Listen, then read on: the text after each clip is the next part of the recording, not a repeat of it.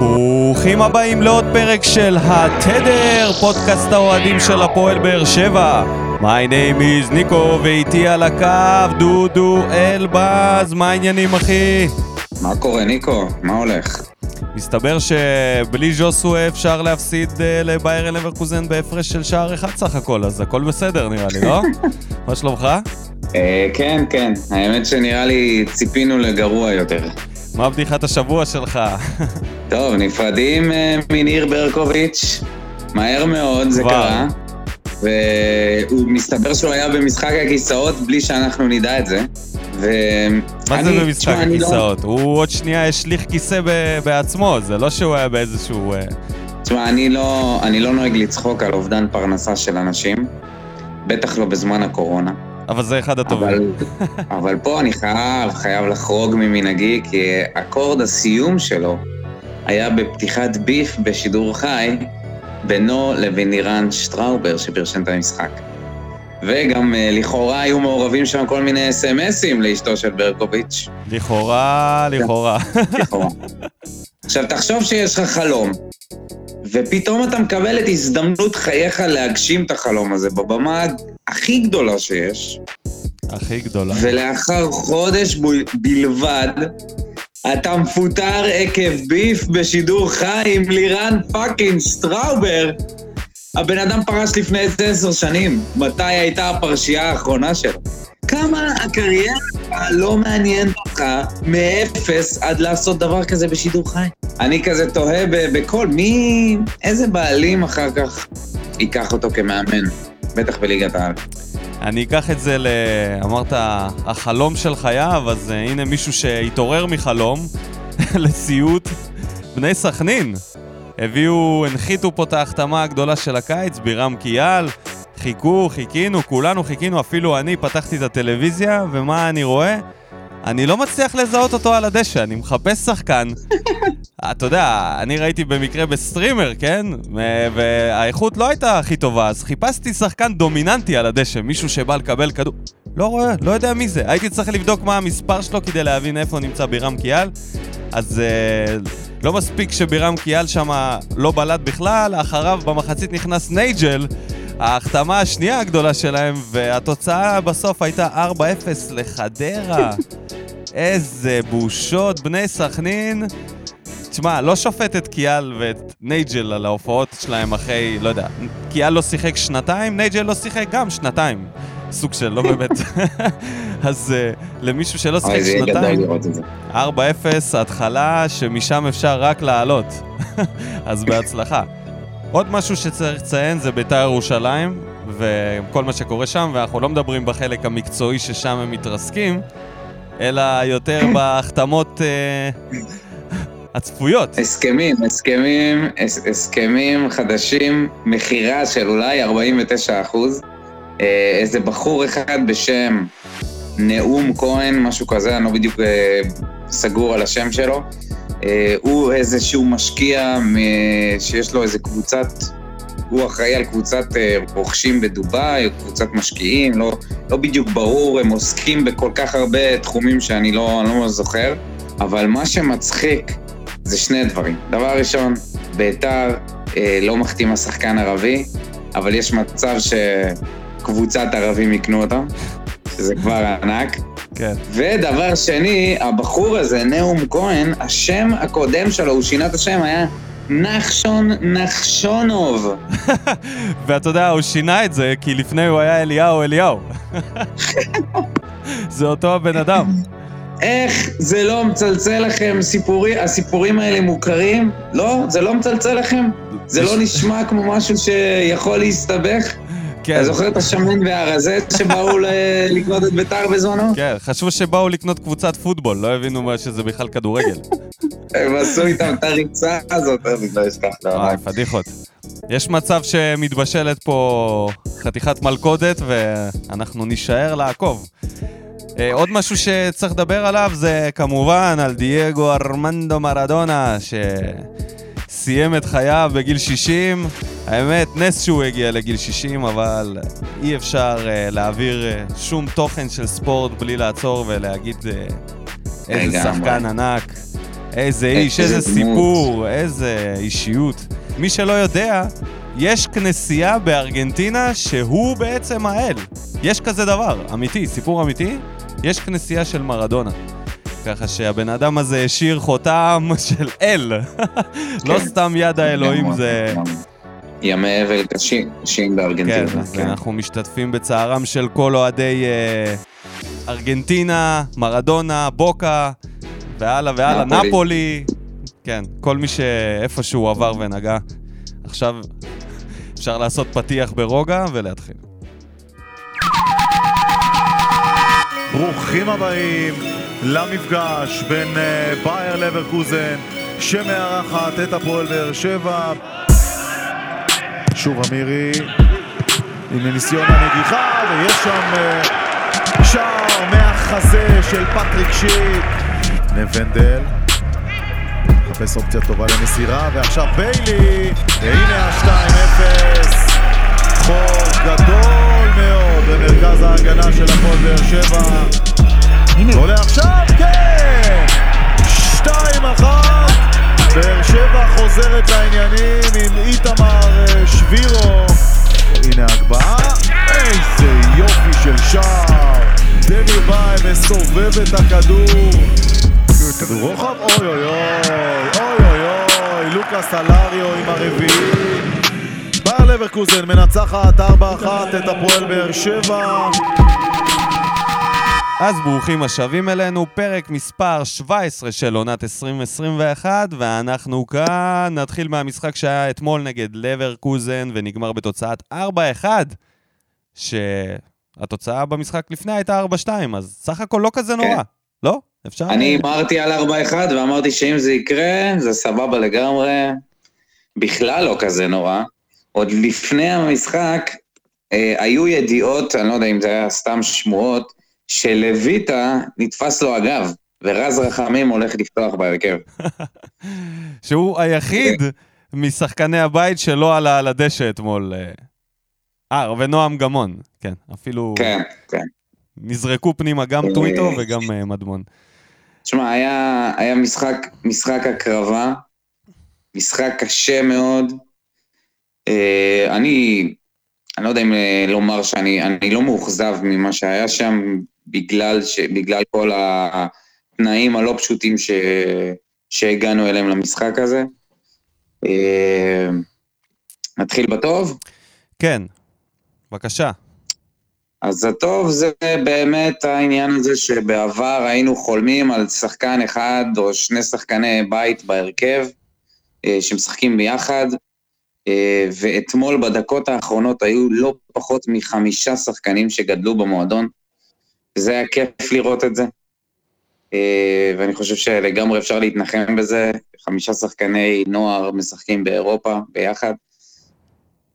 אה, זה בערך אה, אחד הדברים היחידים שהיו טובים במשחק, חוץ מכמובן משחק ההקרבה, ואולי הלחץ גם של שבירו.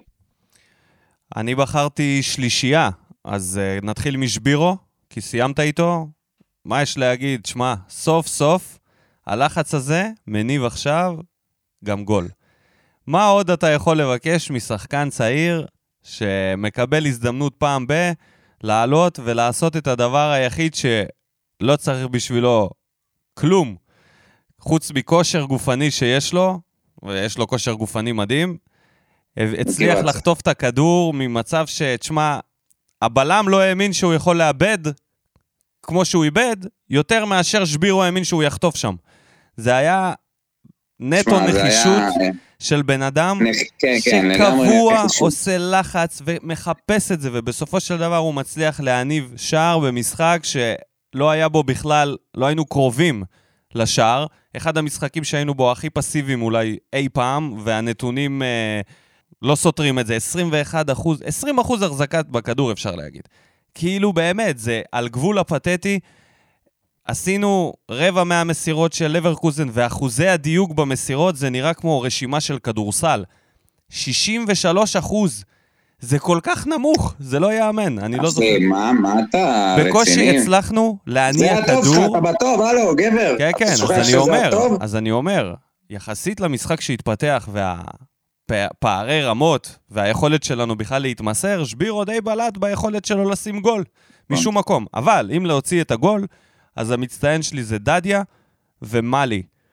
דדיה נתן משחק טוב, בלי טעויות קריטיות, נתן משחק אה, נלחם, עשה את העבודה שלו באגף כמו שצריך, לחץ גבוה מאוד מאוד אה, מהמשחקים היותר טובים שלו, ומאלי, גבירותיי ורובותיי, נתן משחק סביר. אני טוען שזה לא היה פחות טוב מדוד סימאו, שהיה בנקר בהרכב. ואני חושב שאולי בין הבודדים שחוץ מיוספי, לא התרגש מהכדור במשחק הזה, וניסה קצת להעביר, לדרבל, ליצור משהו מכלום, אז אלה השחקנים שבחרתי לטוב. ולרע, בחרתי את סלליך. לא, פשוט לא, לא, לא הורגש. בכלל, לא תרם כמעט כלום. יש, הוא לא לבד. יוספי, היה לו... הוא כן הורגש והוא כן ניסה לתרום, אבל טעה המון, איבד המון כדורים. צריך לקבל יותר דקות, ולפחות רואים שם פוטנציאל, אבל סלליך היה חלש מאוד. גם בררו היה חלש, עשה טעות פטאלית, אבל מה זה משנה, בתכלס? זה לא היה משחק שהיה לו סיכוי גבוה, ובכלל לא היה סיכוי. אני, תשמע, אני, אני לא, לא זה רלוונטי בכלל מי היה טוב שזה היה העניין של ה-20 אחוז, החזקת כדור, כמה זה פתטי זה היה, כמה אחוזי החזקה היו לנו. קודם כל שיחקנו נגד קבוצה עדיפה עלינו פי כמה, גם בהרכב הטוב שלנו. היו חוסרים, היה את העניין הזה, הפרשייה של אה, ג'וסווה, שעוד אה, נגיע אליה, ואני לא ציפיתי ש... כאילו, מה, מה הייתה הציפייה? לא, היה, לא היו מספיק שחקנים שיכולים להחזיק כדור. ההרכב הזה, לשים את סולליך, סולליך בחוד ויחד עם שבירו ולצפות שהוא יגיע למשהו, זה... מה אתה רוצה? ש... מה, מה אנחנו רוצים שיקרה? אה, אני, אני, אני, אני כאילו, אני איתך ש, שלא ראינו כמעט כלום, אבל באמת לא הייתה ציפייה גבוהה, לפחות אצלי. זה לא, לא, זה... לא היה ציפייה, כן, בבקשה. לא הייתה ציפייה, כן. הרעש שלי זה ההמשכיות של אגודלו, אה, לא באשמתו כמובן, בירידה, משמע... בירידה משמעותית מאז שהוא הגיע, ואתמול הוא נכנס אחרי, ה... אחרי השער המצמק של שבירו, כדי לנסות לעזור ואולי להשוות. אחרי רבע שעה הוא מתח את המפסעה, זה נראה לא טוב, ודווקא עכשיו, בתקופה שהוא ממש לא, לא, לא נראה כמו שהוא, כמו שהוא הגיע, התפתח פה בסערה, ועכשיו הוא בירידה משמעותית, וחבל. עכשיו הוא ייעדר בכלל, אלוהים יודע כמה זמן. כן, סיים בפציעה והוחלף. זה נראה מתיחה, ומתיחה הזאת זה משהו שהוא מאוד מתעתע. Uh, המכוער שלי למשחק הזה היה הרעיון בסום, בסיום המשחק של יוסי. אני לא רוצה לדבר על זה עכשיו, אני אשאיר את זה למה בוער, אז אם יש לך משהו אחר, קח את זה. אה, כן, המכוער שלי זה היה הפאול אה, המדויק, כמו נגד אשדוד. על ה-16, אז זה היה לואי, עכשיו זה היה קלטינס. גול החיבורים, עבירה ממש רעה על הרחבה, אה, פשוט קופי מושלם לאותו שער. חבל. מה אתה אומר על קלטינס? לא יודע לומר לך, קשה, קשה, קשה לציין מישהו מהקישור לטובה, הם היו תחת לחץ עצום במשך כל המשחק כמעט, באמת, לברקוזן כמעט לא הרפתה. אני רוצה להגיד שאני חושב שהייתה הופעה, סך הכל, גם, אני מוסיף את זה שלא היה ציפיות, והציפיות היו להפסד ותבוסה. בעידן שלנו היום, של התוצאות הגבוהות והמספרים המשוגעים, 4-1 זה כלום. לקבוצה שבה עם, דיברנו על שלושת העוגנים של, ה, של ההרכב, ושלושתם לא היו במשחק הזה, לא ויטור, לא ז'וסואל, לא הקולאצה, לצאת ב-4-1, וג, וגם, אני לא זוכר שהיה... זה לא שזה היה נראה שהם יושבים לנו על השער בצורה שזה פשוט גלים אחרי גלים, זה היה בונקר סביר, שהיה דקות של לחץ, שחובה להגיד את זה, בדקות שעשינו קצת לחץ גבוה, פתאום היה חיים, המשחק התחיל לחיות. זה היה כיף לראות אפילו שזה היה לכמה דקות, ואני חושב שזה שלא הובסנו בצורה של אה, לא התוצאה, אלא זה שהם פשוט... זה היה בעיטה אחרי בעיטה, הצלה, ומה... זה לא היה כזה משחק. כן, הם סיימו עם 20 אה, ניסיונות לשער, אבל סך הכל שמונה למסגרת. הייתה הגנה די... נכון. כאילו הצליחו לעמוד באיזושהי צורה מכובדת, לצאת מהמשחק הזה עם נזק מינימלי, וזהו. תראה, רוב הזמן היינו מאחורי החץ. כן, ברור, אבל, פיטר בוס אבל אמר לא- את זה בריאיון, אבל לא היה שם-. זה לא היה נראה מביך. אתה מבין למה אני מתכוון? יש משחקים שאתה מסתכל ואתה רואה שזה כן, מביך. כן. שעוברים לך כן, כל בעיה. שחקן, משפילים אותך מער... כאילו פעולה אחרי פעולה. לא, לפעמים אתה רואה את גולדברג מתמודד באגף שלו מדי פעם חוטף, גם דדיה עומד טוב בצד שלו, היה סך הכל סבבה. גם מרואן, שוב, חזר להיות בלם, שיחק סביר. תראה, ב-25 דקות האחרונות באמת עמדנו טוב, יחסית, עד ל... היה, הייתה איזה בעיטה לקורה, אה, ואז, אה, אתה יודע, קר- קרן. המצב נייח, נקודת התורפה של כל קבוצה ישראלית באירופה, כן, וזה פתח, את פתח את המשחק. כן. אז בוא נעבור. למדד יוספי. אמ, כמו שאמרת, הטוב שלך זה היה כל שחקני הבית ששיחקו. אפשר לעבור עליהם ככה בזריזות. דדיה, שאני בחרתי אותו לטוב שלי מחוליית ההגנה, יש משהו שאתה רוצה להוסיף? אני חושב שהוא, שהוא, פחות, אה, שהוא פחות בלט, אני, אבל לא, לא, ב- לא באשמתו, קשה מאוד לצאת קדימה כשאין לך כמעט למי למסור, הכדורים האלה לשבירו זה... מצוין. זה כשאתה לא אומר הוא לא לא בלט. כשאתה אומר הוא לא בלט, זה מעולה. כי כל פעם שהוא בלט בפעמים הקודמות זה היה מטעויות בהגנה.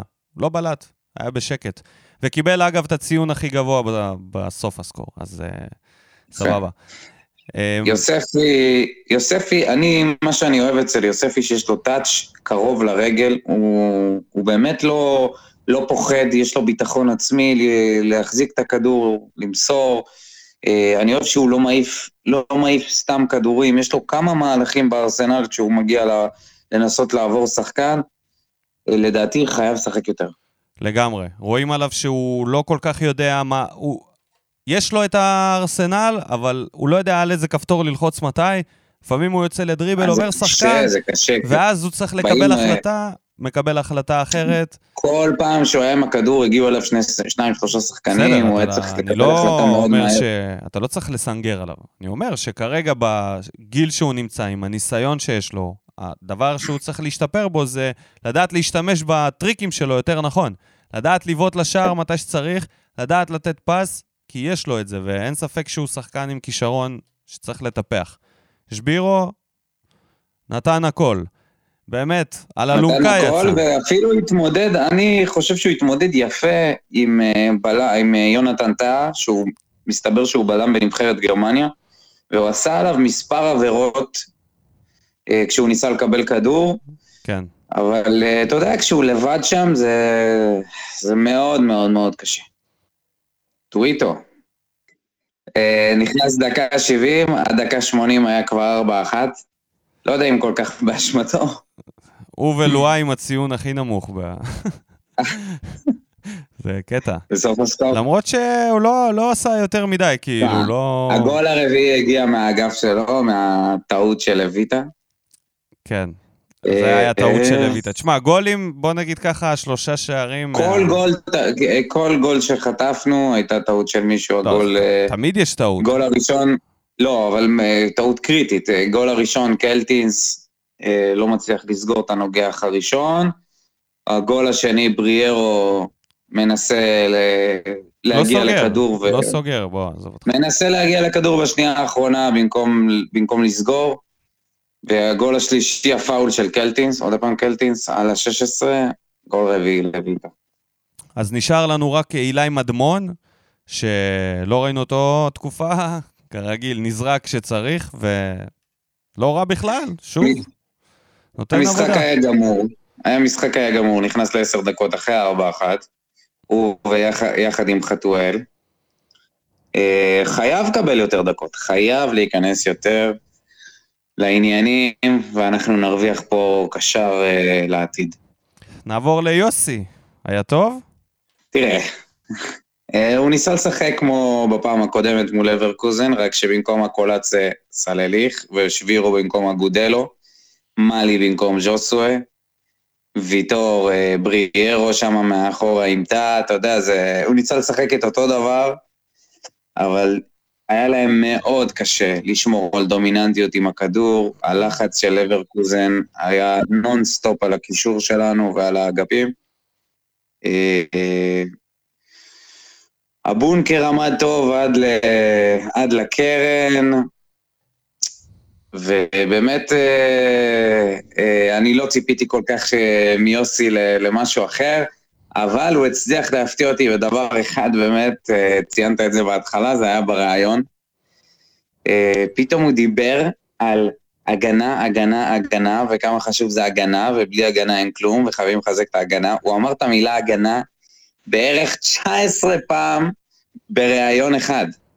אני הפתיע אותי שהוא ויתר על המשחק והתנהג כאילו זה המחזור השישי והאחרון של הטורניר.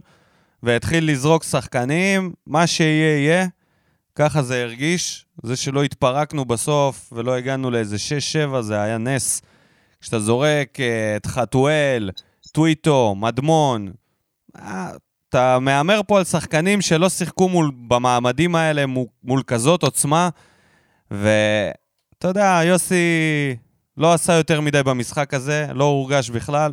הדבר היחיד שהרגיש זה שהקבוצה נלחמה, ואני לא יודע להבין אם זה יוסי עשה את זה, או שזה שז'וסואל לא נמצא עשה את זה, אבל משהו השפיע פה, והקבוצה ניסתה, לפחות נלחמה, זה מספיק לי. יוסי כיוסי, כלום ושום דבר. אה, אז כנראה שהציפיות שלך היו יותר גבוהות ממה, שאתה מציין. מה, ממאמן? אני לא יודע, אני לא, אני לא מצליח להבין מה אתה רוצה שהוא יעשה. מה, באמת, הפעם, עכשיו, הוא יכול ליהנות מחמת הספק, כמות שחקנים פצועה נגד אה, קבוצה גרמנית. לא, לא מצפה ממנו מכלום, אני אומר, אבל רגע, שנייה, שנייה. אנחנו במשבר, לא, אבל כאילו, מה הציפייה שהוא היה עושה? אין שום ציפייה, למה זה צריך לבוא אל מול ציפייה תמיד? כי הרבה אוהדים, כי הרבה אוהדים כועסים עליו וממשיכים לכעוס, האוהדים ממשיכים לכעוס עליו בקבוצות אוהדים, ואתה רואה את זה, וגם אצלנו, במה בוער. אה, הוא חייב ללכת הביתה, בסדר, אבל אני לא חושב שזה בגלל המשחק הזה. אני לא חושב שהמשחק הזה השפיע יותר מדי. נכון, אבל כאילו אנשים, אנשים אה, אה, עשו את הרפרנס של המשחק הזה, עוד, עוד משחק בושה, עוד זה, מה אתם רוצים שיקרה? זה באמת, זה היה משהו שהוא... זה היה ידוע מראש, הרי כולנו ציפינו לזה שאנחנו נחטוף אה, תבוסה יותר גדולה, דיברו על רודה, דיברו על ברצלונה, דברים כאלה, תבוסות כאלה שמהעבר. אז, אז פתאום כן הייתה ציפייה, מה, בגלל ששבירו כבש שער, אז ציפינו לחזור? לא היינו טובים. היה קשה מאוד לבוא לידי ביטוי, ואני לא מאשים אף אחד מהשחקנים, וגם אני לא מאשים את אבוקסיס. בוא נעבור למה בוער, פינת האוהדים. נתחיל עם אלירון מיכאל, הזועם. לך, לא רוצה את אבוקסיס בבאר שבע, מה היום זה הקמפיין החדש שלנו להעיף את הבחור הזה מהמועדון, זה פשוט כדורגל זה ביזיון, נגעל מהקבוצה הזאת, השחקנים ובעיקר המאמן. לכו כפרה על הנעל של שבירו, איך נלחם, כישלון חרוץ, גועל נפש יחס. הנה זה. שמע, זה נגיד אה, בדיוק מה שאמרתי לפני דקה. אה, אלירון, כפרה עליך, על מה אתה מתלונן, אחי? מה, מה הם כבר יכלו לעשות הפעם? זה לא היה משחק בליגה, באמת, אנחנו, אני הראשון אתה יודע, אנחנו מבקרים את אבוקסיס פה כל שבוע. ו... ואנחנו לא מתביישים לבוא ולהגיד את הביקורות האלה, אבל כשצריך לבוא ולהגיד, אה, זה לא ייתכן להוציא מפה בכלל אה, משהו מעבר למה שהוצאנו. כן, אבל אתה יודע שלירון... אה, לירון זה אצלו קבוע, הוא כועס. אני לא חושב שהוא גם מושפע מהמשחק הזה, זה קופי פייסט לתגובה שלו מלפני, ממשחקים קודמים. המלצנו לו בפרק הקודם לעשות קטנה, אני מבין שהבן אדם לא עשה את זה, אז uh, קח לך איזה צ'ייסר, אחי. הבחור נותן בראש. צריך להוריד את זה במכון. אבל אחרי האימון אתה לא צריך איזה רילקס, לא צריך איזה רילקס, צריך רילקס. אז אה, בואו תירגע. הוא רוצה relax של הפועל באר שבע, לא נותנים לו את ה relax. בסדר, הוא לא יקבל את זה עכשיו, הוא צריך למצוא את זה ממקום אחר בינתיים, עד שזה יחזור. בואו נלך לודים פלדמן, האיש והנתונים. אני רק אגיד דבר כזה, עד שטוויטו נכנס, ההימור שלי היה בול. פלדמן הימר 2-1, אז אה, כן, אפשר הוא... לה- אפשר להכריז על ודים פלדמן כסוכן של אה, גולדברג? לא, הוא יותר טוויטו hater מאשר סוכן של גולדברג. אין מצב שהוא סוכן של גולדברג. הוא פשוט hater. אולי הוא טוויטו hater בגלל שהוא סוכן של אוקיי, גולדברג. אז אה, יכול להיות. הסוכן של. גולדברג, יפה. קיבלת את כזה. קיבל את העיטור. גיא אורן, לתת למלי, למלי לפתוח במשחקים הבאים, להוריד את התלות מז'וסווה ולשים אותו מאחורי החלוצים. הופה, לא יודע לגבי זה. זאת- זאת תגובה מעניינת. זאת לא תגובה לגבי זה. מעניינת. הוא לא נראה לי לא התקפי יודע? מספיק. לא, לא נראה לי התקפי מספיק. הוא נראה לי זה- אני שחקן חושב שזה קישור. הכל תלוי, זה הכל תלוי באם יוסי יזנח את שלוש, מערך שלושת הבלמים ויעלה עם עוד קשר, ואז אנחנו נוכל לעלות גם עם יוספי נניח, גם עם אה, מאלי וגם עם ז'וסטרואה ביחד. אם אנחנו נמשיך לעלות עם שלושה בלמים מאחורה, אז זה לא יקרה. מישל בסני, הופעה מכובדת, מתי תפסיקו להביך? אוי, מישל, להביך מישל. את מי? זה בגלל שבכותרת? כתוב שההופעה הייתה מכובדת. מכובדת. אה. גם מרדכי אוחיון איזה- מצטרף אליו ושואל איזה הופעה מכובדת. שאלה לי ל... לאנשים האלה, מה חשבתם? מה, מה זה הופעה מכובדת בעיניכם בהרכב הזה, בסיטואציה הזאת? ארז דוד, עזוב אותך. אם מסתכלים על זה בזווית 60 מעלות, זה הפסד שמגיע לנו נקודה. היינו במשחק עד דקה 75, והגול השלישי שקיבלנו היה מאינשאללה. היה מן אללה. כן. אירופה תם ונשלם, וצריכים לנהל נכון את המשך הקמפיין כדי שזה לא ישליך על הליגה. הכי חשוב זאת הליגה, ושום דבר לא גמור ואף לא התחיל שם. ללא קהל הכל יכול להיות, חייבים להתכונן לליגה ולהתרגל לחיים ללא ז'וס. נראה לי שנגמר שם הסיפור, יאללה הפועל. וואו, אה? סיכם, סיכם את הקדנציה של ג'וסוי. אני לא יודע לגבי uh, זה שנגמר הסיפור של ז'וס, אני לא בטוח לגבי זה, אבל uh, אני לא אופתע אם זה מה שיקרה. כן. בוא נעבור הלאה לדן ינקוביצ'י. דן ינקוביץ'. האמת שלא בוער, רק עצוב ומתסכל, פער הרמות בין המועדונים והמדינות. אין השקעה בספורט, תשתיות ספורט וכאילו הכל סבבה. צריך להתרכז בליגה ולשמור על הופעות, הופעות מכובדות בשני המשחקים הנותרים. שמחתי לראות שיוסי נתן כבוד לצעירים ונתן להם במה, אפילו מועטה במפעל אירופאי, פלוס לשבירו יהיה מה לספר לנכדים. לגמרי, כן. מסכים איתו לגמרי. זה באמת uh, פערים uh, כבר לא קשורים לשחקנים ודברים כאלה. זה כן, כן, כן, זה לא, זה היה, זה היה גבוה מדי. בנצי מיכאלי, לברקוזן כל משחק סופגת והגול של שבירו נתן לנו תקווה של כמה דקות שאולי בכל זאת אפשר להוציא פה נקודה. אבל עכשיו המטרה חייבת להיות ינואר והקבוצה חייבת לקבל החלטות. ראשית, אבוקסיס, נשאר או לא? ז'וסואה, מה עושים איתו? אם אתם שואלים אותי, צריך לחשב מסלול מחדש. בעמדת המאמן חייבים להושיב אותו לשיחה ולהגיד, שמע חביבי, או שאתה מוריד את הקוף, קוף הנבחרת מהגב וחותם פה לשנתיים, או שאתה מחכה לנבחרת בבית. בוא נעצור פה. אני לא חושב שזה משנה בכלל אם הוא הולך לנבחרת או לא הולך לנבחרת. אני חושב שבפרק זמן שהוא נמצא אצלנו, לי הוא נתן להרגיש שהמאמן הזה לא יצמיח פה אלופה. לא משנה כמה זמן ניתן לו. אני חושב שהוא לא מספיק מפותח כמאמן בשביל להצמיח אלופה בעידן של הכדורגל של היום. כי זה כבר לא הכדורגל של פעם. אלופה, אלופה. עזוב אלופה. אנחנו צריכים לכוון אלופה, תמיד עזוב. לשם. עזוב, אני מדבר איתך על דברים פחותים מזה, אני מדבר על קבוצה שהיא- שיהיה לה איזשהו כדורגל אטרקטיבי. בסדר, אז בדיוק. תשמע, אם הוא... זה מה שמדאיג. אני אוהב את מה שהוא עושה עם הצעירים, אני אוהב את זה ששחקנים מתפתחים אצלו, זה משהו שהוא קריטי, אבל זה לא מספיק. ואני חושב שיוסי אבוקסיס, ברמה התכלס, הוא יכול להיות עוזר מאמן מעולה. אבל כמאמן, זה לא המאמן שאני רוצה. אני רוצה מאמן יותר אה, מורכב יותר. מה שטוב זה שיש עוד לפחות, עוד איזה חמש-שש משחקים עד ינואר. ואנחנו יכולים, אה, זאת אומרת,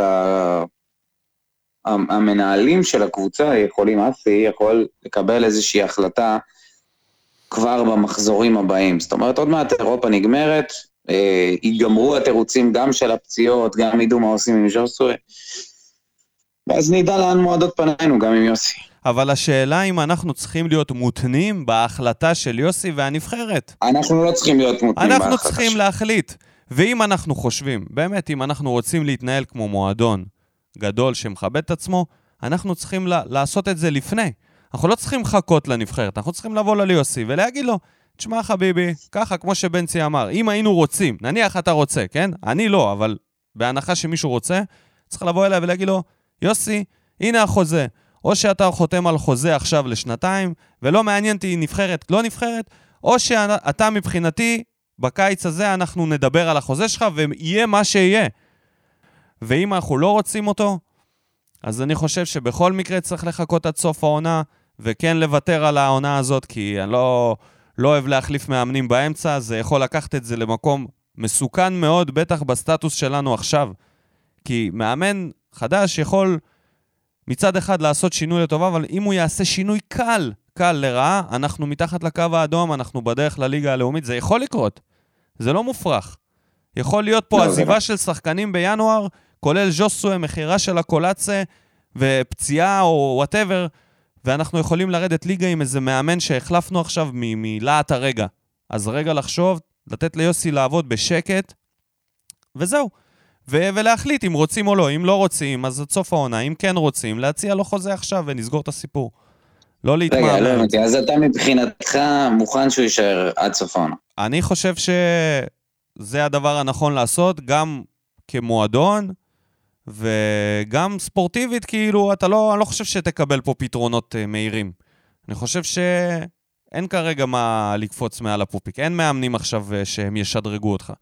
אז uh, אני אומר, כן. מאמן צריך... זה מאוד לק... תלוי בהמשך התוצאות שלו פה, זה, זה, זה מאוד מאוד תלוי. כי הדבר הבא, הדבר הבא ש, שבנצי מדבר עליו, זה על ז'וסוי.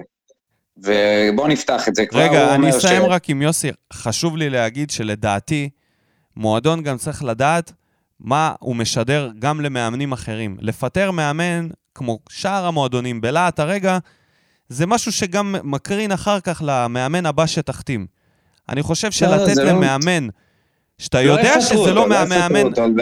בטח לא, זה גם לא בלהט הרגע, זה אמור להיות איזושהי הבנה כוללת של מה, לאן, לאן מועדות פנינו. אבל זה אתה... לא בלהט הרגע, זה לא שאנחנו עפים באירופה ואז מפטרים אותו בגלל זה. נכון, אבל ו... כמו שאומרים שלטנגו צריך שתיים, אז גם פה צריך שניים. צריך אחד שילך ואחד שיבוא. אז אם אתה יודע שיש לך אחד שיבוא, שישדרג את ההוא שהולך, אני איתך. ואתה עושה מהלך חכם ונכון, ואתה מסיים את זה בצורה מכובדת. שוב, הכל תלוי במה הולכות להיות המשך התוצאות שלנו. למה זה תלוי? יעבד... למה? למה? אני לא מבין למה זה תלוי. כי אם אנחנו ממשיכים להפסיד, אם אנחנו ממשיכים להפסיד... אבל הכדורגל השתפר. אנחנו רואים כדורגל או אנחנו שוב. רואים... על, אנחנו, על מה אתה מסתכל? על הדשא או על הלוח תוצאות? עזוב, אני אומר לך, אנחנו, אנחנו ש, כמה אנחנו שתי נקודות מהקו האדום? אם אנחנו ממשיכים להפסיד ולהיראות רע, ואנחנו, אנחנו לא נמשיך מרגישה, להפסיד. תקשיב שנייה, רגע, הקבוצה נמצאת בסחרור בתקופה האחרונה, בטח עם הפרשייה של ג'וסווה ועמית ביטון, אז זה יכול להגיע למצב שבו יאבדו את החדר הלבשה. ואם זה יקרה, אז כן, אתה תצטרך לראות איזה זעזועים אתה יכול לעשות בשביל שהקבוצה okay, אוקיי, לא okay. אוקיי. ליגה. אני חושב הכל. שלוותר על ז'וס, אם באמת המצב, כמו שהם אומרים, והתקרית וההתנהלות וכל מה שמדווח מה, מהמקורות הרשמיים והלא רשמיים, נכון, הוא יותר, כאילו לאבד את ג'וסווה זה פחות ישפיע, יפחיד אותי לרדת ליגה מאשר את, להחליף מאמן לאיזה מאמן שאתה לא יודע מה אתה מקבל. אני, זה פחות מפחיד אותי, כי אני חושב שסטטיסטיקה תתיישר ואנחנו לא נפסיד. לא עם יוסי, ו... לא יודע. עם יוסי אני יודע שאנחנו לא נפסיד ב... לא נרד ליגה בטוח. אני לא יודע אם זה יקרה עם מאמן אחר. עכשיו, אם זה יהיה... אתה סותר את עצמך איזה שש פעמים בפרק הזה. תקשיב, יש את עניין המאמן של מה הוא עושה על המגרש, ויש את עניין הכישרון והסגל. אני חושב שהסגל והשחקנים עצמם יסחבו את הקבוצה הזאתי לפחות למקומות שלא יודע מה, נניח... אבל לפני חמש דקות אמרת שיש מצב שאם אנחנו, אם ימכרו את ג'וסו והקולאצה, אנחנו נתמודד על ירידה, ויש סיכוי כזה שנרד ליגה. אז עם מי נרד ליגה? עם מאמן אחר? לא, בסדר. אם אתה עושה את המהלכים האלה ואתה מוותר על המועדון והולך על בנייה מחדש, אז כן. אתה אז לא מוותר על המועדון. תשמע, אם אתה מוכר את uh, הקולאצה ומשחרר את ג'וסו, זה סוג של לוותר על ה... שתי שחקנים הכי טובים שלך. אתה צריך לעשות את זה... בוא נדבר רגע על ג'וסווה. בוא נדבר רגע על ג'וסווה. בבקשה. עזוב את אה, עתידו של הנה, יוסי. בנצי אומר, אם אתם שואלים את דעתי, להגיד, להביא לו את הכרטיס ואתה משוחרר. אחרת, קנס כספי מטורף וחייב, אה, ולחייב אותו לסדנה שליטה עצמית. תנאי להתאמן. טוב, זה זה נשמע נהדר. כן, זה נשמע אה, קצת... עוד, עוד סצנה שלא במקום, בטח לא, בזמן. בטח לא בזמן האחרון, שאנחנו נראים רע מאוד, שהוא נראה כמו צל של עצמו, עוד, אה, עוד דרמה מיותרת, ואתה יודע, זה מתחלק ל... לכמה סוגים של אוהדים, יש כאלה שמבחינתם זה שיעשה מה שהוא רוצה, או, או מה שהכי הפתיע אותי זה היה לראות הרבה אנשים שכותבים בקבוצת אוהדים, למה אתם, אה, להפועל באר שבע, אומרים להם, למה, למה אתם מוציאים את זה? למה, למה להגיד את זה יומיים לפני משחק חשוב? למה לא לתת לו לשחק ואחר כך לטפל בזה? או להגיד שהוא פצוע. ומה שהכי עצבן אותי זה האנשים האלה שאומרים, תגידו שהוא פצוע. מה? אנחנו שנים מתחננים שתהיה פה שקיפות. מטעם המועדון, כלפי כל מיני תהליכים שקורים בקבוצה, כמו נגיד החזרה של שיר צדק, שאף אחד לא באמת ידע אם הוא...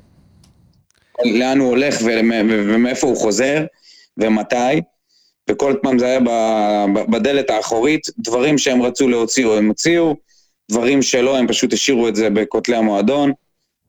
קודם כל, אי אפשר בשום אופן להשאיר תקרית כזאת, שראו אותה עשרות של אנשים, בטח. בין כל האנשים האלה. ברגע שראו את זה יותר משניים, שלושה אנשים, מכות, כן. בין שני שחקנים, לא, לא, לא, זה בטח. לא רק זה. בטח... בטח ש- ששמעון ביטון- בטח שקשור- לג'ושוע, עזוב את שמעון ביטון. שמעון ביטון פתח הכל בערוץ הספורט. עזוב. נו. אה, זה לא שמעון ביטון, אה, זה- זה ז'ו- ז'וסווה עם הפתיל הקצר שלו שחייב, אה, שחייב להתאפס. ואמרנו את זה, שאם... רגע, שנייה, וואי, ברחתי. אז אני אומר, אז אני אומר שאני מעדיף שיבואו ויגידו לי בפנים, מאשר שיבואו ויסתירו וזה יצא בהדלפות, וזה יצא לתקשורת בכל מיני דרכים, כי זה היה יוצא, וכולם יודעים שזה היה יוצא. וזה היה, האפקט הזה, האימפקט של זה היה הרבה יותר גרוע. אם היינו שומעים את זה דרך התקשורת, דרך כל מיני צדדים שלישיים, כל כן. מיני כתבות, אה, כתבות רכילות כאלה, מאשר זה שהמועדון בא ואמר את זה ופשוט שם את זה בפוסט בפייסבוק, ואני אומר לך, כל הכבוד למי שאחראי על זה, על, ה, על אה, לשתף את האוהדים בדבר הזה. לגופו של עניין, נהדר. דודו, בסדר, הבנו, הבנו. לגופו של עניין, מה, מה עושים איתו? מה, מה עושים? האם זה פתיר? קודם כל, אני חושב שזה פתיר. תראה, אני עובד, אני עובד עם אנשים, גם דרך כדורגל, כן? אני, אני עובד עם אנשים שיש להם קשיים בחיים שלהם, גם עם בני נוער, גם עם מבוגרים, אנשים שהם אה, חלקם חסרי בית, ש, שהם פרובלמטיים, שיש להם, שיש להם כל מיני קשיים ב, ב, באישיות שלהם, יש להם קשיים להכיל כל מיני, כל מיני דברים שקורים להם בחיים, ובטח במגרש הכדורגל. עם אנשים כאלה, אתה צריך להיות מכיל מאוד, להכיל, להכיל גבולות, לה, לה, להכיל אותם, לאהוב אותם, להראות להם שאכפת להם ממך, שאכפת לך מהם, ובנוסף, לשים גבולות ברורים. ש... פה היה החטא של כולם עם ז'וסווה, פה. נכון. מה פה שאמרת, אנחנו זה נתנו, נת... אסור רק התפזרנו, צד אחד. התפזרנו. חיבקו אותו, התפזרנו. אסור רק צד אחד. נשקו מצד אותו. אחד, אם אתה נותן רק אהבה ובלי גבולות, אתה מאבד את השחקן. מצד שני, אם אתה שם יותר מדי גבולות ולא נותן מספיק אהבה, אז הוא פשוט נובל, הוא לא פורח אצלך. אתה צריך, זה תמיד המשחק הזה בין הכלה ובין גבולות. וז'וסווה, שיהיה בריא, זה אחד כזה שעף לו, עף לו סכך קצת, אתה יודע, הוא שחקן כישרוני מאוד, אבל לפעמים הוא מתנהג כמו... כי אף אחד לא שם לו כמו- גבולות. קצת כמו בשכונה. אף כמו- אחד לא כמו שם לו גבולות. הגמר גביע, שהוא תקשיב. נכנס שם לניידת והתחיל אה, לצפור שם ולהשתמש אני חושב. אני חושב שז'וסווה, בתחושה שלו, קיבל, בתחושה שהוא נמצא בזמן האחרון, הוא מרגיש שהוא מבין בכדורגל יותר מכל האנשים בהפועל באר שבע. כולל המאמנים וכולל המנהלים. זה נראה לי לרמה שהוא כבר הגיע אליו. אני חושב שהוא בתחושה שלו נמצא כבר במועדון שכולו קטן למידותיו. לא, בכלל לא קשור אליו. כי הוא הגיע לכזאת אה, כזאת הילה מסביבו, וכל כך הרבה ליטופים ונשיקות וחיבוקים ואהבה על המהלכים, ואף אחד אה, לא זכר לשים לו גבולות במקרים הקודמים של גם להחליף אותו, גם לתת לו לנוח, לא לבנות סביבו הכל, לא להגיד לו יס yes על כל דבר. בסדר, הוא שחקן טוב, צריך לתת לו את התחושה הזאת שהוא שחקן טוב והוא הכוכב. אבל צריך לדעת ש... בסדר, אפשר לחיות גם בלעדיו, לכל אחד יש מחליף. בסופו של דבר, היה תקופה שלא היה אותו, והיינו בסדר גמור, אפילו יותר טוב מעכשיו. אז נכון, אני בטוח... נכון. הוא צריך להבין והדבר, את זה. והדבר השני, של נניח ואתה לא... נניח ואתה באמת מסתיר את זה, או לא מעניש, איזה מין אימפקט גרוע. זהו, אתה שורף. אתה שורף את המועדון. משפיע קודם כל על חדר הלבשה. אבל אתה יודע מה? מה שאתה אומר, כבר קרה. כבר לא הענישו אותו על הפעמים הקודמות, וזה מה שהשפיע לא, לא, גם על החדר הלבשה. אני חושב שיכול להיות שהצילו את זה בזמן, כי אם באמת לא היו מענישים אותו עכשיו והיו נותנים לו לשחק, אז קודם כל החדר ההלבשה, שרפת את החדר ההלבשה, לפחות חלק גדול מהשחקנים, בטח שהוא נתן סטירה, אתה יודע, לשחקן בית, שזה, שיש לו מן הסתם שחקנים שגדלו איתו, חברים שגדלו איתו, מה אתה נותן סטירה לחבר שלך מה, מהקבוצה? מה, אתה דפוק? באמת. זה דבר ראשון. אז uh, אתה מאבד את יוסי, יוסי מאבד את הסמכות שלו באופן משמעותי מול, מול ג'וסווה. ואתה מאבד גם, תחשוב איזה השפעה יש לך על שחקני נוער, על ילדים, על הקהל, ש, שחלק מהם, זה נשמע להם, זה נראה להם לגיטימי ש, ששחקנים ילכו מכות, שהכוכב של הקבוצה ייתן סטירה לשחקן אחר בגלל שהוא גלש לו לרגל במהלך אימון. אתה יודע, יוסי... אסור לשתף פעולה בשום פנים ואופן עם, ה, עם ההתנהגות הזאת, רק בגלל, שה, רק בגלל המחיר שהקבוצה יכולה לשלם לטווח הארוך. אני חושב שזה די פשוט כרגע. צריכים להעביר את הכדור אליו, כמו שבנצי כתב, נגיד אה, הוא כתב סדנה לריסון עצמי, סדנה לעצבים, איך הוא כתב את זה? סדנה לשליטה עצמית. אז אני אומר, צריך להעביר אליו את הכדור למגרש, להגיד לו, תקשיב, אתה, אנחנו, אתה רוצה להישאר כאן? יש דרך מסוימת, יש קוד מסוים של התנהגות שאנחנו מצפים ממך להתנה, ל, ל, ל, לפעול לפיו. אם אתה רוצה להיות כאן, אתה צריך להוכיח שאתה רוצה להיות כאן, וזה שאתה הכוכב של הקבוצה לא אומר שמותר לך דברים שלאחרים אסור. זה לא יספיק, זה לא יספיק. זה לא יספיק. אם הוא, אם הוא מוכן להתחייב לזה, אם אין, הוא מוכן להתחייב... אין דבר לא... כזה, הוא לא יכול. הפרסונה הזאת לא יכולה להתחייב לזה. הדבר היחיד זה גם מה שאתה אומר וגם ניהול שוטף. ויוסי, אני חושב, כבר לא נמצא, הוא לא רואה בו את האוטוריטה הזאת. הוא רואה בו כזה מאמן שחיבק אותו, שאוהב אותו, שנותן לו את כל החופש במגרש. לא חושב שזה יכול לעבוד בלי אוטוריטה שמנהלת אותו בצורה כמו שאתה אמרת. בדיוק מה שאמרת. יד מחבקת, יד סותרת. זה הבן אדם, אין מה לעשות. עם לב, עם רגש, עם חיבוקים, וגם לפעמים לדעת לחתוך את השיחה בזמן בוא, ולהוציא אותו.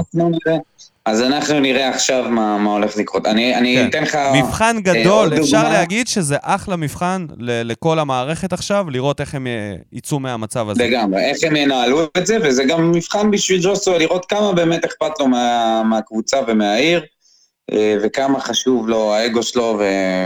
ושיהיה ברור שסוף טוב יכול לבוא בכל מיני תרחישים. יכול להיות סוף טוב בזה שהוא יעזוב, ויכול להיות סוף טוב בזה שהוא יישאר, וכנ"ל הפוך. אז אנחנו צריכים לבחון את זה לאורך זמן, אל תמהרו לחתוך שום דבר, בואו נראה איך זה יתפתח. אתה יודע, אתה יודע מה אהבתי? מישהו כתב... בוא נתקדם, אה, פוסט, בוא נמשיך פשוט. רגע, שנייה, שנייה. מישהו כתב פוסט אה, שז'וסווה, אה, שהבעיה היא, היא שהמועדון היה צריך לתת לו חונך 24/7, שיהיה איתו בשביל למנוע... יש לו, היה, ויטור. מה זה 24/7? מה זה חונך? מה, אתם רוצים אפוטרופוס? לא, לא. הבן אדם בן 30. תפסיק להעלות פה תגובות שלא צריך לתת להם מקום, אחי. האנשים האלה כותבים שטויות, מה אתה מעלה את זה? מה, אז אמר איזה מישהו מטומטם, אז מה, זה שווה את זה? כל תגובה של אוהד היא לגיטימית. עזוב, ממש לא כל תגובה היא לגיטימית. יש דברים מטומטמים, ותשאיר את זה אצל האנשים האלה. מה שהצמידו לו את ויטור, זה לא עזר, הוא כבר לא רואה בוויטור שום דבר, הוא מרגיש כמו מלך, וזה כבר לא יעזור. מה שיעזור פה זה רק לנהל אותו, ואם אפשר לנהל אותו, אז אי אפשר איתו. טוב, אה, מוטי. מרדכי הטדגי. תובנות. אחד, לכאורה תוצאה דומה למשחק הקודם, אבל הרמה הרבה יותר חלשה, הגיוני. יוספי, ברגע שישפר את קבלת ההחלטות, יהיה שחקן גדול, חסר לו תמיד הגרוש ללירה. קבלת החלטות. שלוש, מדמון חייב לשחק, הוא טוב מאוד, מסכים. ארבע, רוץ בין סוסים, רוץ הוא דהר, הפעם משתלם לשבירו, מגיע לו הג- הגול על המאמץ. לצערי הוא לא מתאים לרמה של ליגת העל. לא יודע. למה לא? מוקדם. מדי, אולי מה לא, אולי לא מול אה, לברקוזן עדיין, אבל ליגת העל הוא... בטוח לא נגד לברקוזן. בליגת העל, יכול להיות שמה שמוטי מתכוון לומר פה, כי בליגת העל הוא יצטרך להביא הרבה מעבר לפשוט מלחמה וכושר.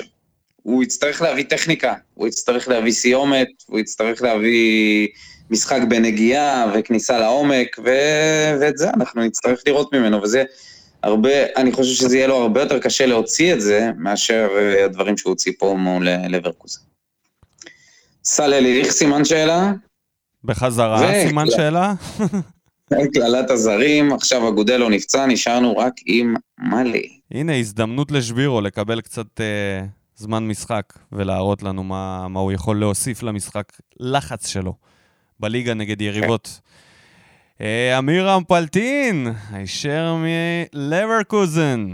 למה אני לא אוהד לברקוזן? למה? מה אני אגיד לכם? הכל כבר נאמר. רק בכל זאת עצוב לי שהם היו פה עשר דקות ממני ולא יכולתי להיות במגרש. באמת, משתתף בצערך, זה מבאס ברמה שאי אפשר לתאר. כאילו, הסיכוי להגריל את הפועל באר שבע, קבוצה שאתה אוהד וגר בגרמניה, נגד קבוצה עשר דקות מהבית שלך, ולחטוף. מגפה עולמית, אחד למאה שנה כזה, זה באמת אה, ביש מזל. כן, כן, אז אה, אמירם, אנחנו, העולם, העם איתך. לגמרי. נרים איתך בירה הערב. ניב נאסי, משחק ראשון בחיים שלי שלא ראיתי עד הסוף. פשוט כואב הלב, כל גול שלהם אתה מרגיש כמו עוד סדק בלב, עוד עקיצה בלב. בקיצור, ניב נאסי הפסיק לראות את המשחק באמצע, איי, איי, והוא מקווה שהקבוצה תתאפס על, על עצמה בקרוב. הוא אומר שזה המשחק הראשון שלו שלא ראה עד הסוף. באמת? באמת? דווקא זה לא היה משחק כזה. אה, אחי, היו משחקים הרבה יותר גרועים. מה- כן. גמר גביע נניח. זה הדברים שציפינו להם. אלכס פורטנוי מהקוסמוס. האמת, לא יודע איפה להתחיל מבלי שאני אחזור על עצמי פעם נוספת. זה נראה כל כך מביש, אני לא יכול אפילו לקרוא לזה משחק רע. זה לא נורא להפסיד בתוצאה גדולה לקבוצה טובה, אבל לא להתבזות כך. למשל, כן, חטפנו מפיינורד, אבל לפחות נראינו כמו קבוצה מקצוענית. עם טעויות בהגנה אפשר, אפילו קבוצה, קבוצת נערים היו מתביישים לעשות. אז כמו שאני חוזר ואומר, נכון, אין לנו את השחקנים הכי מוצלחים, ולהגיד היום זה קלטינס אשם ואתמול זה שיר צדק. זה לא באמת נכון להאשים שחקן ספציפי אחד או אחר, האשם העיקרי הוא המאמן פה. מאמן פחדן ושקרן. אהבתי איך היה לו את האומץ בסוף להגיד בשתיים אחת היה, הייתה לנו תקווה לחזור. נו באמת, יוסי, על איזה גלולות אתה יושב?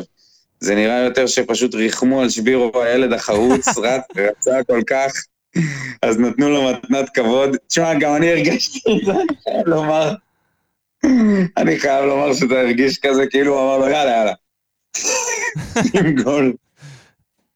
אתם חארות. אה, כי בדוגרי 4-1 זו תוצאה משקרת, הם יכלו בפשטות להכפיל את התוצאה, יותר מזה.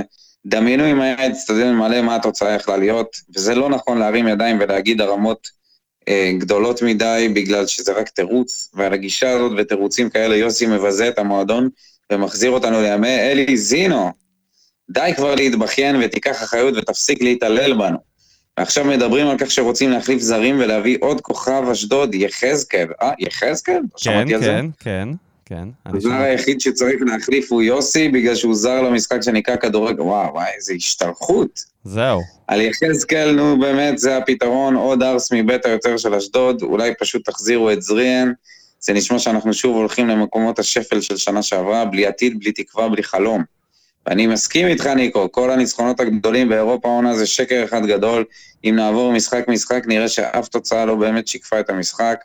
אז כמו שאמרתי, אז נכון, זה שקר, אבל בוא נהנה ממנו כמה שאפשר, בגלל שהמזל לבסוף נגמר. נקווה שהרומן שלנו עם יוסי ייגמר בקרוב גם כן, וואו. תשמע, זה טור לעיתון הדבר הזה. כן, לגמרי. הרבה יותר ויחזקאל, תגובה- אגב, אה, באמת יש כזאת, כן. כזאת אה, שמועה. אני לא חושב שזה השחקן שיכול, אה, בכלל, זה רלוונטי? זה, זה נראה לי רמזי ספורי כזה. זה מין שחקן דרג ב' עם פוטנציאל שלעולם לא יצליח לתת אה, כמה שנים רצופות של רמה גבוהה, כאילו. לא...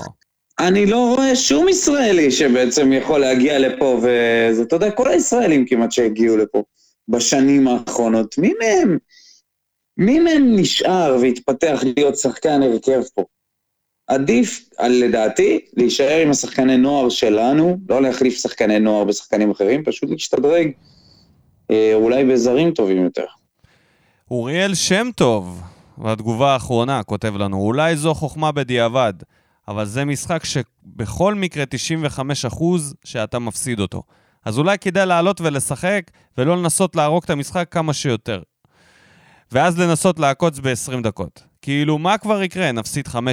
לא היינו רחוקים משם בכל מקרה. מבחינת השחקנים, ליוספי היה משחק טוב, והוא צריך לקבל עוד דקות ולצבור ביטחון. וגם מלי שיחק לא רע בכלל.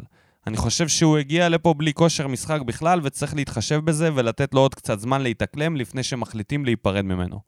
אני מאוד מסכים עם uh, הטענה על מלי. הוא הגיע לפה בלי משחקים, סלאש אימונים, ולדעתי גם לא היה לו אופניים בבית לעשות עליהם כושר. כאילו ברמה של פשוט ישב בבית איזה חצי שנה, בטטה, ואז הגיע לבאר שבע והתחיל uh, לחזור לעניינים.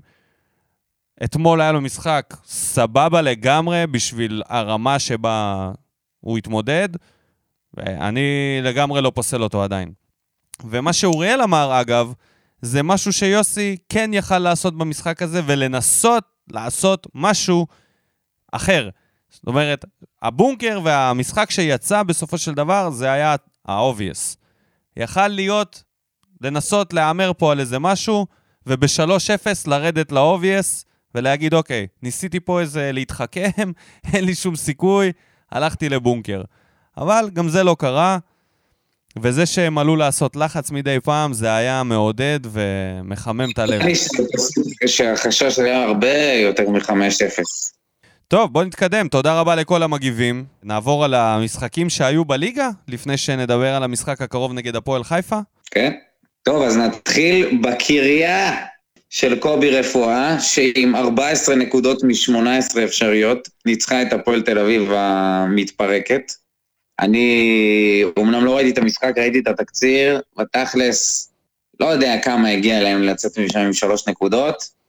גם הגול שהם כבשו זה גול הזיה כזה, בעיטה שהשוער הדף ופגע בבלם, ופשוט נכנסה פנימה. אבל תראה מה זה, תראה מה זה, קריה מקום ראשון. קריה? דוהרת ל... לא רק שהיא מקום דוהרת ראשון. קדימה. תקשיב, יש לא, פה כמה איפה דברים. שרצקי? א', עוד לא, עוד לא, זה עוד מוקדם מדי. הוא יגיע. דבר ראשון, יש להם משחק חסר. דבר שני, הם ההגנה הכי טובה בליגה, בשישה משחקים הם ספגו רק שני שערים. הקבוצה היחידה שעוד לא הפסידה, והמאמן היחיד, היחיד בין כל המאמנים האחרים, שכשהוא סיים את העונה שעברה, הוא הצהיר שבעונה הזאת אתם, אנחנו נראה קריית שמונה אחרת, ועומד בהתחייבות שלו. מה תגיד על זה?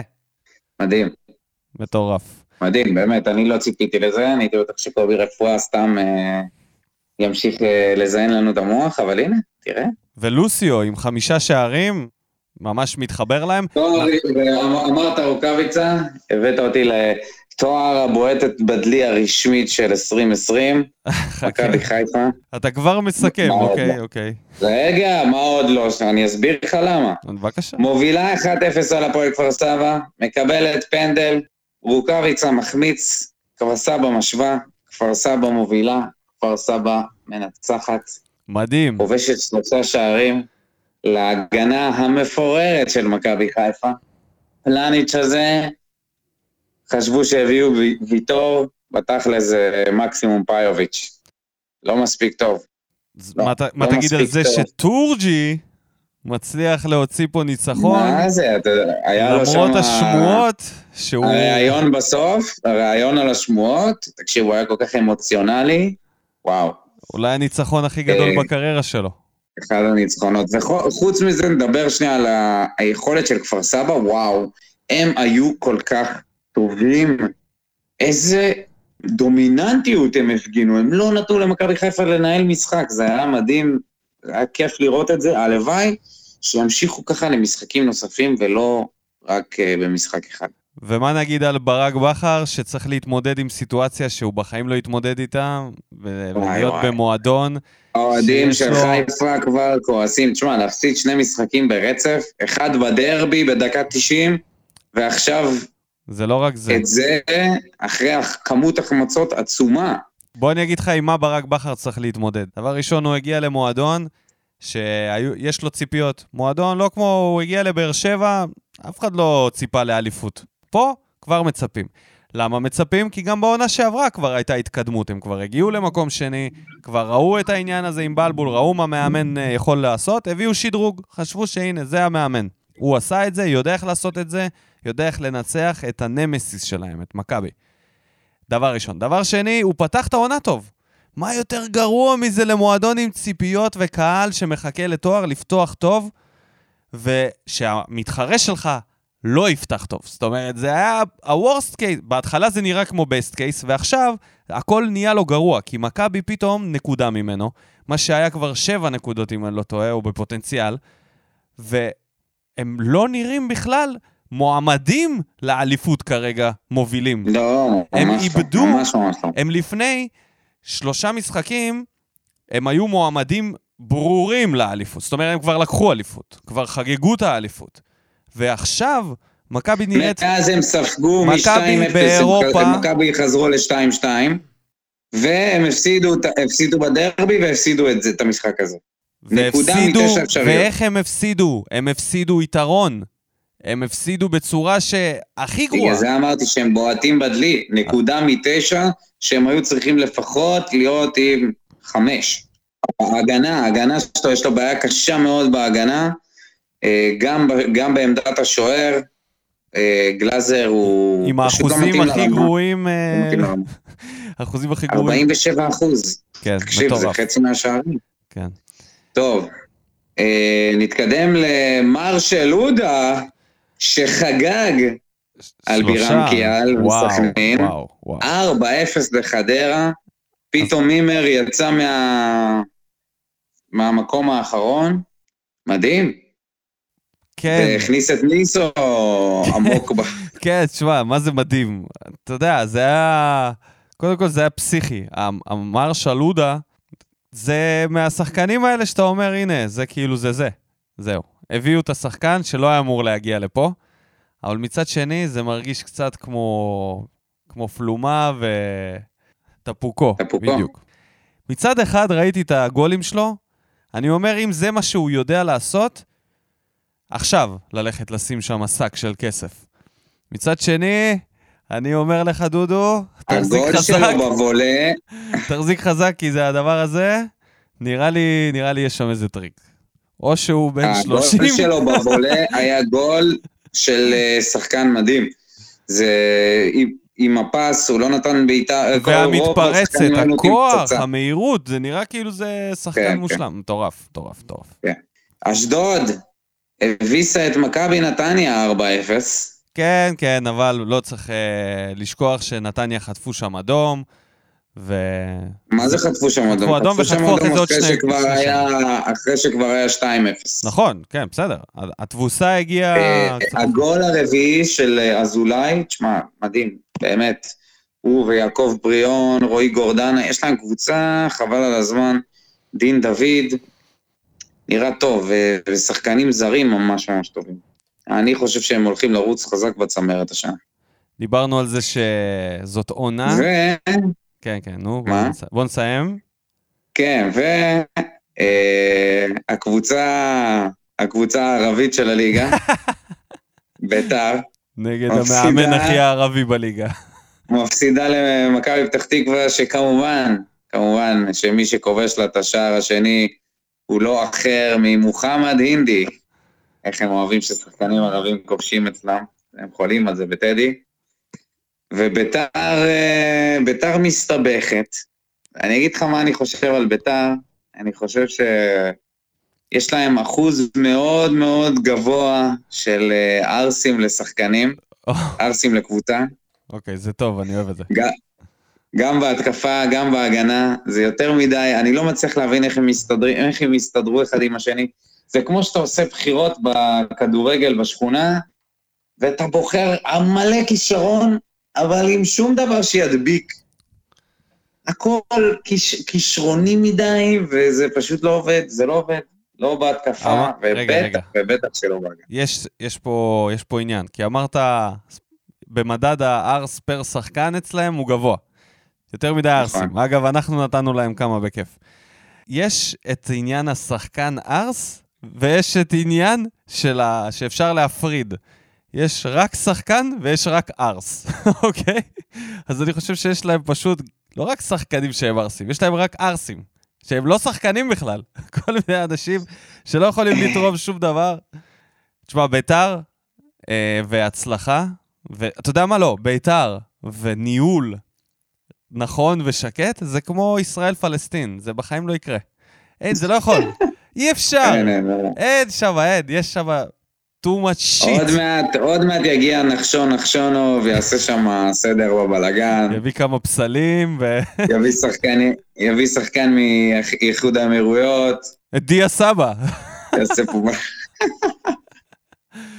טוב, בוא נדבר על זה שזאת אה, טבלה מטורפת במקום הראשון קש. רגע, רגע, אה, שכחנו את הפועל חיפה, של סילבס שחיסל את, אה, את אה, ניר ברקוביץ', את המשחק האחרון שלו בליגת העל, 2-1, ואנחנו הולכים לפגוש אותם עם נס זמיר שעשה מתפוצץ. צחוק מההגנה של בני יהודה. מתפוצץ. כן. הרמזי ספורי התורן. לא, לא, לא, לא נכון, הוא כבר כמה שנים הוא טוב. הוא כבר כמה שנים טוב. אה, הוא לא רמזי ספורי התורן, לדעתי הוא גם יותר מבוגר ממנו. אה, וזה משחק האקסים, המשחק הזה. רגע, לפני, שנ... לא לפני שנעבור לאקסים. אקסים. רגע, חכה, אבל מה עם, אה, מה עם הטבלה? תראה מה קורה פה. יש פה קבוצות שהן לא רעות בכלל. מכבי פתח תקווה ואשדוד ונתניה, אני חושב ששלושתן יותר טובות מקריית שמונה. הם יסיימו מעל קריית שמונה שכרגע במקום הראשון, אבל בואו נפתח את הדיון של מי מהן יכולה לעשות ריצה של לסטר כזה, של קריית שמונה של פעם, לרוץ עד הסוף. תראה, אה, אני חושב שמכבי פתח תקווה יש להם קבוצה מאוד צעירה, אבל עם אה, קצת מזל, הם יכולים לרוץ קדימה. אני, אני אשמח לראות אותם בצמרת הגבוהה. באמת קבוצה אטרקטיבית, אה, שחקנים מוכשרים, אין סיבה שהם לא ירוצו גבוה השנה. אני להגיד לך מאמין... מי, יכול, מי יכולה לזכות באליפות מאלה? כן. אני, אני חושב ש... אני חושב שאשדוד, אה, מכל הקבוצות פה, גם מקריית שמונה, גם ממכבי פתח תקווה, נתניה, עם מאמן. שכבר עשה את זה בסגנון הזה. בדיוק, עשה את זה עם, עשה את זה עם, אה, אה, עם שחקנים יחסית אנונימיים. עכשיו, יש לו כל מיני שחקנים, אה, אה, אתה יודע, שהם כבר בשיא שלהם, אולי אפשר לקרוא לזה שלומי אזולאי, רועי גורדנה.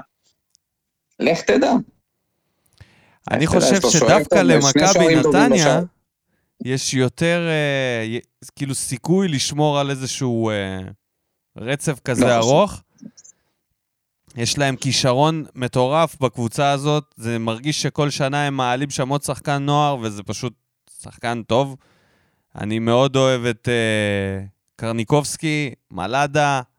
תשמע, יש שם אה, אביב אברהם, שחקנים, זרים. אני חושב שהקבוצה הזאת היא יכולה מהארבעה האלה כרגע, נראה לי לתת את הריצה הטובה ביותר. אני מסכים שאשדוד היא נראית הכי מוכנה, כי יש לה גם את הוותיקים וגם את המאמן.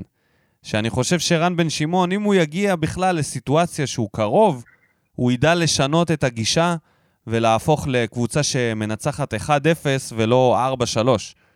הוא ידע לעשות את הסוויץ' הזה כשהוא ידע ש... אוקיי, יש פה משהו וצריך פה לקחת נקודות. כרגע הם uh, משחקים כזה בלי פחד, ושרק שזה ימשיך, באמת. ועכשיו אפשר לעבור להפועל חיפה עם האקסים. רגע, משחק הכיסאות. במקום הראשון. חוזר היחידי- למקום הראשון. האיש, היחידי שובר, שובר שיא, שובר שיא, היחידי המלך, שהיה עם שלוש, שלוש קבוצות שונות. במשחק הכיסאות, ניסו. במקום הראשון. ניסו, ניסו ניסו, שלנו. גם עם הפועל תל אביב, גם עם הפועל רעננה, ועכשיו לראשונה עם בני סכנין. ואני אגיד לך מה אני מרגיש לגבי זה? יאס. שניסו, זה מה ש... קורה לו מה שקרה לדייוויד בלאט עם קליבלנד, שהנחיתו לו פתאום את לברון ג'יימס, ואז הקבוצה פתאום קיבלה תפנית. אז הנחיתו לו עכשיו את בירם קיאל ואת אה, אסלבנק, ופתאום הם קיבלו איזה ספין כזה שאנחנו יכולים להיות קבוצת צמרת. אז הלחץ שם, אה, לזה אתה מתכוון תפנית. בנוסף לזה הבעיה שזה היחידה היא סכנין, שקליבלנד הגיע לגמר ה-NBA. הם לא נראה לי שהם אה, יעלו כל כך מהר, הם יש להם מינוס 14. זה לא בעיה, דיברו- זה היה ההבדל. וההבדל באמת שדייוויד בלאט הוא לא אידיוט, אה, לא שניסו כן, אבל דייוויד בלאט הוא לא איזה מאמן אה, שסתם, הוא מאמן טוב, אז הוא הצליח לעשות מה שהיה צריך לעשות. אבל לניסו להבדיל מדייוויד בלאט, הוא לא הוכיח את עצמו עדיין בשום מקום. אז אני לא יודע אם הוא יכול לסחוב אה, את הציפיות. בחדרה, בחדרה, הוא צריך לחזור לחדרה. עזוב אותך. תפסיק עם ה... חדרה, אז שתי המועמדות לירידה, אתה רוצה שהוא פשוט ידלג מאחת לשנייה ויפוטר משניהם באותה עונה? מינוס 14 אחרי שישה משחקים. תשמע, זה המון, ספיגה עצומה. כן, הוא לגמרי בדרך. ובמקום השני, ניר קלינגר. מתחת לרדאר, מתחת לרדאר, קלינגר רק עם חמש נקודות משש משחקים. כן, עם uh, ההתקפה הכי גרועה בליגה, שלוש, שלושה גולים בשישה משחקים, קטסטרופה, ניצחון אוי בודד ואבוי. בחמישה משחקים אוי. אחרונים. אני חושב שקלינגר uh, יותר קרוב למקום הראשון של משחק הכיסאות מאשר לקו האדום, ובקו האדום זה נקודה. אז לגמרי. צפו להפתעה בגזרה שלו, ובמקום השלישי, זה כבר... המפתיע. זה פעם ראשונה, חברים וחברות, שיש לנו שלושה מועמדים שלשלושתם יש קשר לבאר שבע. במקום הראשון ניסו, במקום השני קלינגר, ובמקום השלישי בכר. בוא נגיד ככה, אם הוא לא מנצח במחזור הבא, אז אני לא יודע אם הוא ישרוד למחזור הבא אחריו. יש פה סיר לחץ משוגע, והמאמנים שלנו, שלושתם, במצב לא משהו. לגמרי, כן. בחיפה הבעיה היא שתמיד האדמה רועדת מה- מהר יותר, ושלושה משחקים, שזה התחיל ממשהו טוב, מה-2-0 על מכבי תל אביב אה, עד ל-2-2, ואז זה הידרדר בצורה דרסטית לאיפה שהם נמצאים עכשיו. מקווה שבכר יצלח את המשוכה הזאת ו... ויצליח לנצח במשחקים הקודמים. ומועמדים למשחק הכיסאות הם אה, ברדה ודראפיץ', שגם שם הם מסתבכים בביתר. עכשיו, כן. אני אומר בתור אה, אוהד של הפועל, שלא מרוצה מהמאמן שלו, אני אוהב את זה.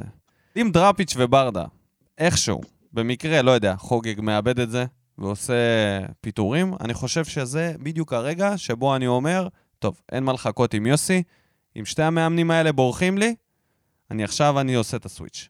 וזה מה שדיברתי איתך לפני, על uh, שצריך להיות לך מאמן שיבוא, שיהיה יותר טוב מאמן שהולך, ואם זה באמת הם מתפנים ויש אפשרות, יש התאמה בכסף והכל, אז אני איתך.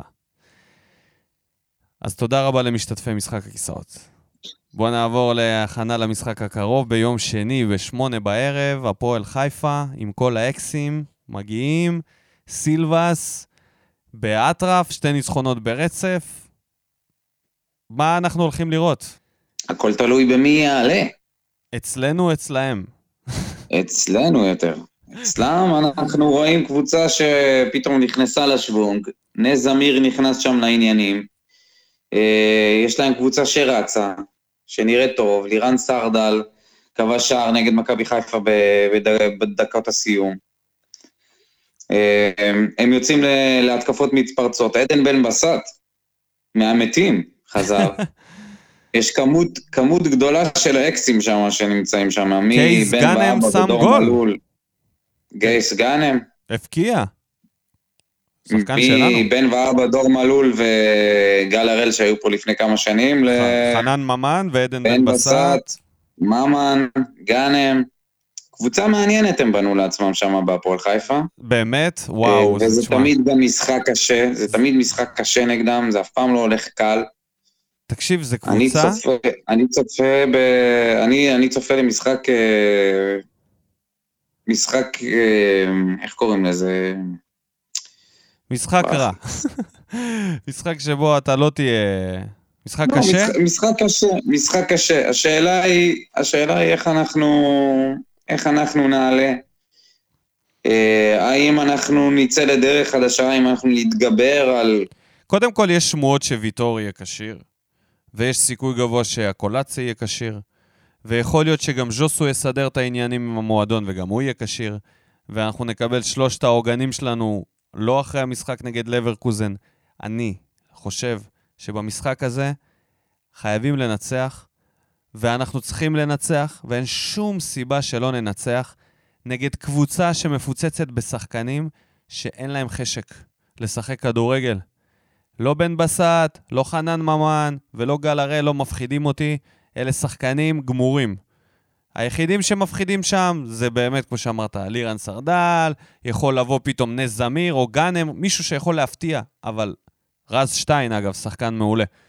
אבל השחקנים האלה, כל הוותיקים האלה, הם גמורים היו כשהם היו בשיאם. אז אני בכלל לא מפחד מזה, ואני חושב שיוסי צריך ללכת פה התקפה בכל הכוח.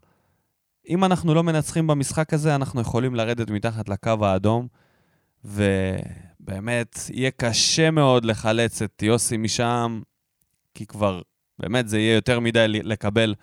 אתה סופג באירופה, אתה סופג בליגה, הכדורגל נראה חרא, יש בלאגן בחדר הלבשה.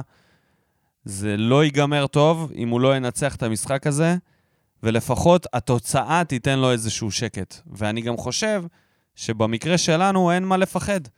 למרות, אה, גם, גם אם אה, יהיו חסרים, גם ויטור וגם אה, הקולציה וז'וסואה, אני חושב שאנחנו יכולים לנצח את הקבוצה הזאת. יש לנו עדיין סגל סביר, פשוט צריך מישהו שיתכנן את הדרך לעשות את זה. ופה הסימן השאלה הגדול, אם יוסי יוכל להוציא קבוצה סוף סוף לדרך אחרת של התקפה, של... אבל כנראה שלא, כי הוא מדבר רק על הגנה. אז אני לא יודע. אמ, אני חושב שיש לנו הרבה יותר מה להפסיד פה מאשר לנצח, כי אם אנחנו נצא גם עם תיקו, אה, המחאה תגבר כלפיו, והאמון בשחקנים יפחת משמעותית. אה, אנחנו חייבים לנצח את זה, אני מסכים איתך, אנחנו חייבים לעשות הכל ולהוציא את הנקודות. אנחנו נצטרך הרבה יותר מסתם לחימה והקרבה, אנחנו נצטרך לראות ניצוצות של שחקנים שכבר הרבה זמן לא, לא נתנו את מה שהם נותנים בדרך כלל. אנחנו בעיקר נצטרך לראות מה יהיה. מה יהיה ההרכב. כי... נכון, אבל גם שחקנים ש... ש... שאמורים לשחק כמו סלליך, כמו אה, אולי שבירו או ורן, הם יצטרכו לתת הרבה יותר ממה שהם נותנים בדרך כלל. אני חושב שבסופו של דבר מה שיכריע זה ההחלטה של יוסי לגבי הקישור וההגנה. כרגע זה מרגיש ששיר צדק לא יכול להיכנס למגרש, ואם ויטור פצוע, אז הוא צריך לבחור באחד הקשרים, שזה יהיה או מרואן או בררו, אה, ואז בעצם זה ישפיע ישירות על הקישור, אלא אם כן הוא עולה עם שלושה בלמים שוב, ואז באמת אני, אני כבר לא יודע מה יציל אותו מהתגובות והביקורת של האוהדים. באמת, הדבר הכי גרוע שיכול לקרות במשחק נגד הפועל חיפה זה לעלות עם שלושה בהגנה. אני, אני לא מבין את המאמנים, גם בכר נופל על זה. לא מבין את המאמנים האלה שממשיכים לנסות את זה. מה הקטע? איפה ראיתם שזה מצליח? למה אתם בכוח מנסים להחדיר שיטת משחק שהיא נחשבת למיושנת בהגזמה, ובשביל לשחק אותה טוב אתה צריך בלמים שהם מטורפים, שהם יודעים גם לדרבל ולמסור, ומגנים משוגעים. ו...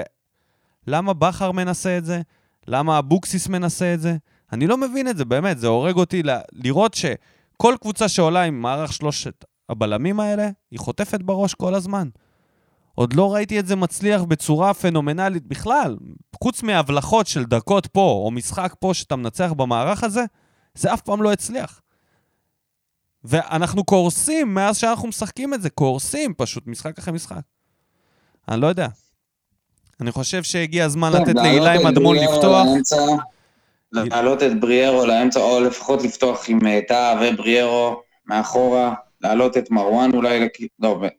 להשאיר את בריארו באמצע, מרואן כבלם, להכניס קשר נוסף, לפתוח עם כנפיים, בתקווה שהקולציה יעלה, אם לא, ולנסות אה, להיות דומיננטים.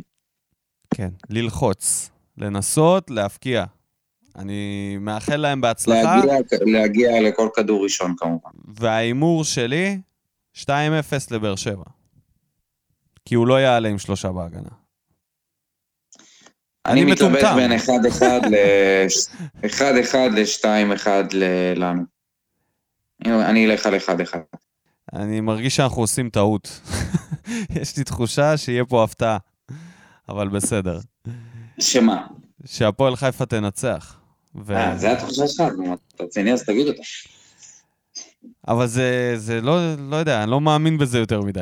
אני חלוק פה אתה בין... לא רוצה להאמין, אתה לא אני- רוצה להאמין בזה. כן, אני לא רוצה להאמין בזה שחנן ממן ייתן מסירת מפתח לקייס גאנם, וגאנם יעבור את לויטה וישים גול. אוי אוי אוי. כי אם זה קורה... על הנייר אף אחד מהם לא אמור לחגוג אם הפועל חיפה כובש. כולם אמורים להיות שם, לראות שם כאילו... זה פני אבל.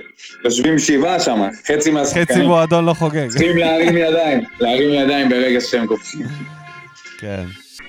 טוב, אם אין עוד משהו אה, להוסיף, כי דיברנו כבר יותר מדי, אז נגיד תודה רבה לכל המאזינים שלנו, נגיד תודה רבה לכל המגיבים והעוקבים. אנחנו קוראים ושומעים את כל מה שיש לכם להגיד, אז תמשיכו, אל תתביישו. תודה רבה לך, מיסיה דודו אלבז, תודה רבה לך, מדאם ניקו. ונתראה בפרק הבא. יאללה ביי. שורף אותה כמו בולדן למאה משכיב אותה כמו מסי, לא נוגע מחליט אותה כמו סטף מהפינה סוויש כמה אני טוב, וואלה בן זונה Thank